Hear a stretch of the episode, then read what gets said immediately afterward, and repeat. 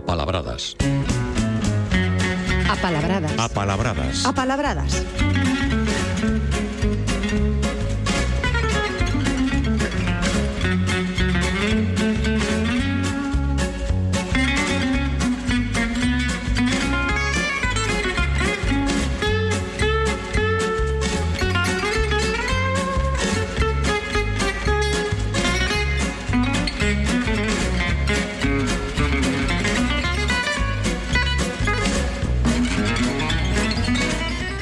Palabras apalabradas que estrean ano e que nos permiten saudar, como non, a Paulino Novo. Moi bons días. Que tal, bons días. E feliz ano, como non, para ti Igual, tamén, Paulino. Como estás? Igual, igualmente para todos. ben, ben, ben. Ben, pero distanciados, eh, Victoria? Sí, sí, distanciados porque o protocolo manda. sí, sí, como, como, como debe ser. Dim, escoita unha cousa, eh, sabes que ás veces gustame así facerche algunha que outra chiscadela, ti que sempre presumes de Meira, como debe ser, andan buscando por aí a un agraciado da Bonoloto estes días, non serás ti? Sabín, sí, sabín, sí, un premio importantiño, sí, bueno, pues... Pero ti non espero, es, non? Non, pero espero que quedar, que quedar, quedara por ali. Está moi ben. Bueno, Paulino, pois aínda que xa estarán desmontados algúns beléns, eh, xa serían entregados case todos os agasallos, imos aproveitar eh, que o Día de Reis acaba de pasar para darlles unha voltiña algunhas palabras relacionadas con esta fes festividade. Sí, empezamos como se, como empezamos polo Belén. Resaca, como se seguíramos de resaca, non? Deixa, deixa, deixa que se vaya. Sí, pois imos darlle unha, unha voltiña a algunhas desas palabras. Falabas de Belén. Hmm eh, eh, é unha palabra que pode ter distintos significados. Ao final, Belén, como sabemos, é, é unha cidade de Palestina. Pero pode ser eh, o sitio, a corte, o pesebre onde, onde, onde está Xesús cos pa, con, con Xosé, con María, e co, coa vaca, e co, e co burro, e, e pode ser tamén o que se monta o, o sitio onde onde se monta todo o sitio onde está moita xente eh, on, con todas as figuras do nacemento de Xesucristo. Pode ser cada unha desas, cada unha desas cousas. E por extensión, por esta última acepción de a representación con moitas figuras, pode adquirir tamén un significado de sitio onde hai moita xente e onde hai algo de confusión ou incluso pode denominar un Belén un asunto unha situación complicada ou de consecuencias desagradables. E incluso un castelán estar bailando en un Belén estar aparvado ou estar así medio engallolado. Pero todo ben do nome desa cidade de Palestina onde naceu, onde naceu Xesús. E moitas veces o Belén do que estamos falando reduce ao lugar concreto onde están eh, Xesús, María, Xosé, o burro e a vaca que tamén se chama pesebre. É correcto? É correcto pero podemos decir de dúas maneiras, Victoria. A ver. O pesebre ou presebe, eh? que se, parece que son distintas, pero das dúas maneiras é correcto según a, para, para a academia. E así como Belén podía denominar distintas cousas, con pesebre ou presebe imos ter o mesmo, imos ter metonimias, porque pode ser a corte onde naceu Xesús, onde os reis hai dous días foron a adoralo e levarlle os, os regalos e pode ser tamén o recipiente onde se lles dá de comer aos animais, eh? o que tamén se chama cambeleira, o sitio onde se lles bota de comer aos animais. O pesebre ou presere pode ser as mesmas cousas. Xa o era en latín.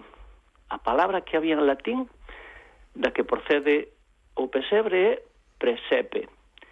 En latín podía denominar a corte onde, onde están os animais, o recipiente onde comen eses animais e tamén o, o sitio onde comen as persoas ou onde dormen, o cuarto, a habitación, tamén o sitio onde están as abellas, a colmea. E, en sentido malo, tamén en latín podía ser un antro ou un lupanar, eh? Pero en todo caso, eso, pesebre ou presebe. Canto tempo, Paulino, sen escoitar a palabra antro? Eh, sí, pois mira, eu tes. Pois eh, podía ser, podía, podía, podía denominalo tamén el lupanar, que está un pouquiño relacionado. En portugués teñen tamén pesebre e presepe, e incluso presepio. Eh? E en castelán teñen o pesebre, pero en Berceo, por exemplo, aparece o R en dúas sílabas, e aparece presebre que parece así un pouquiño difícil de complicar, de, difícil de pronunciar. Pero mm. bueno, tiñan, como vemos, é unha palabra que ese R pois eh, dá, dá, dá moito que facer e cambia facilmente dun, dunha, dunha, dunha sílaba para outra, que nos chamamos a ese, a ese fenómeno metátese. Eh? Eh, no galego medieval xa tiñamos tamén e xa aparecía de diferentes formas, presepe, presepio e presebel. Eh? O sea, é unha, unha palabra que nos aparece en moitísimas formas. Pois eu quedome coa, con pesebre, que me resulta tamén moito máis cómodo, eh, no meu caso, pois como máis fácil, non? Pero pois nese presebe, un lugar destacado é Paulino Oberce, que é unha palabra nosa do galego. Sí, é moi nosa. Ainda que noutras linguas aí próximas tamén aparece.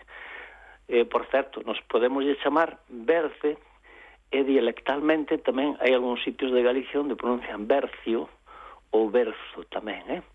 En León din brizo, en portugués verso ou breso, en francés versó, en Zamora bricio, en asturiano bierzu ou bierciu, en Santander teñen a forma tamén berzu, en o castelán antigo había brezo ou blezo, eh? O sea, que é unha palabra nosa, pero como vemos, díxose en moitos outros sitios. Pero, efectivamente, é unha palabra pois de, de orixe ademais prerromana, é eh? unha palabra moi nosa, que non temos cuna, eh? cuna si que é a mm. palabra do, palabra do castelán. Pero eh, temos algunha palabra relacionada con cuna, eh? ainda que non temos esa palabra para a cama dos nenos, sí que temos algunha palabra relacionada, como por exemplo incunable. Eh? Mm. Incunable é o libro que está impreso no século XV ata o 1500. Eh? O libro que se imprimiu desde o ano 1453, en que se inventou a imprenta, hasta o ano 1500. Eses son os incunables. Os que os da primeira etapa do libro, os, na, os que se publicaron na infancia, no berce de, da imprenta, non? Eh, vendo, vendo latín, incunábula, eh, eh, é unha palabra que en latín significaba a roupa que teñen os nenos cando están no berce, cando están na cuna. Eh? Eh, quere dicir que o libro que está nas orixes, nos primeiros tempos do neno, o libro que aínda está no berce, cando está nacendo a imprenta, e vende in e cunábula. E cunábula, pois é un diminutivo de cuna, que en latín usábase normalmente sempre en, en plural. E ainda temos outra palabra que non é galega, pero sí que se ten usado na política, que é cuneiro, non é galego, eh? Uh -huh.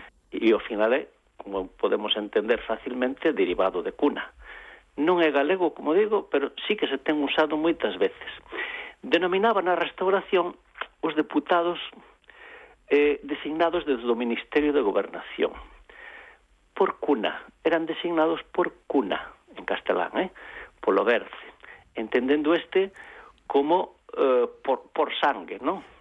Eh, por sangue ou por ser de familia boa, pois eran designados desa maneira.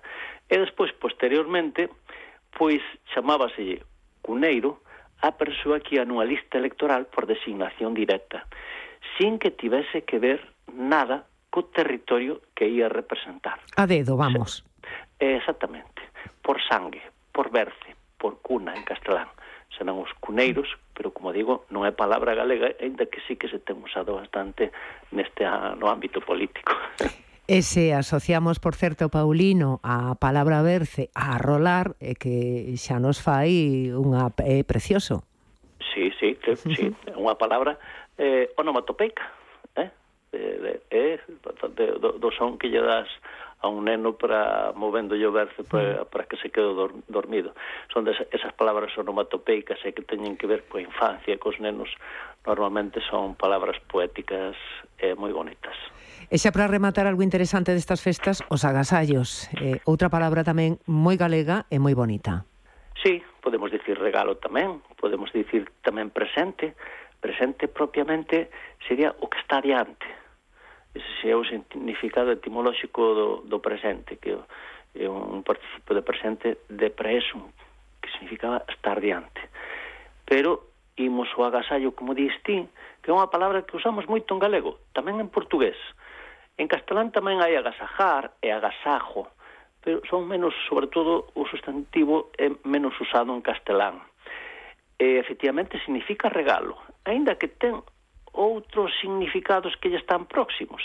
De feito, na súa etimoloxía, que é unha palabra xermana, eh, eh, o significado originario sería compañeiro. Eh? Eh, en no galego, agasallar, propia, eh, enténdese, está registrado co significados de tratar ben, de onde eh, chegaría a regalar. Eh, eh, agasallo incluso pode ser un regalo e pode ser un caricio, unha caricia, perdón, ou un, ou un aloumiño.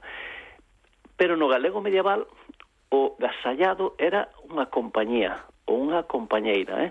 no sentido ese etimolóxico original que dicía, non? E en portugués sorpréndenos que ten algúns outros significados curiosos eh, no sentido tamén de tratar ben. Pode ser o agasallo unha, unha unha acollida calurosa, pode ser unha amabilidade, pero tamén é un sitio que abriga, ou a roupa tamén que abriga e quenta, e quenta o corpo. Eh? E o gasallado pode ser tamén a roupa que leva unha persoa ou a roupa que ten na, que ten na cama. E agasallar, ademais de hospedar e abrigar, tamén é resgardar do frío e incluso casar tamén, eh? Mira que significados variados temos, pero que todos teñen que ver con tratar ben e con ser compañeiro que sería a idea original desta palabra desta palabra agasallo ou agasallar, non?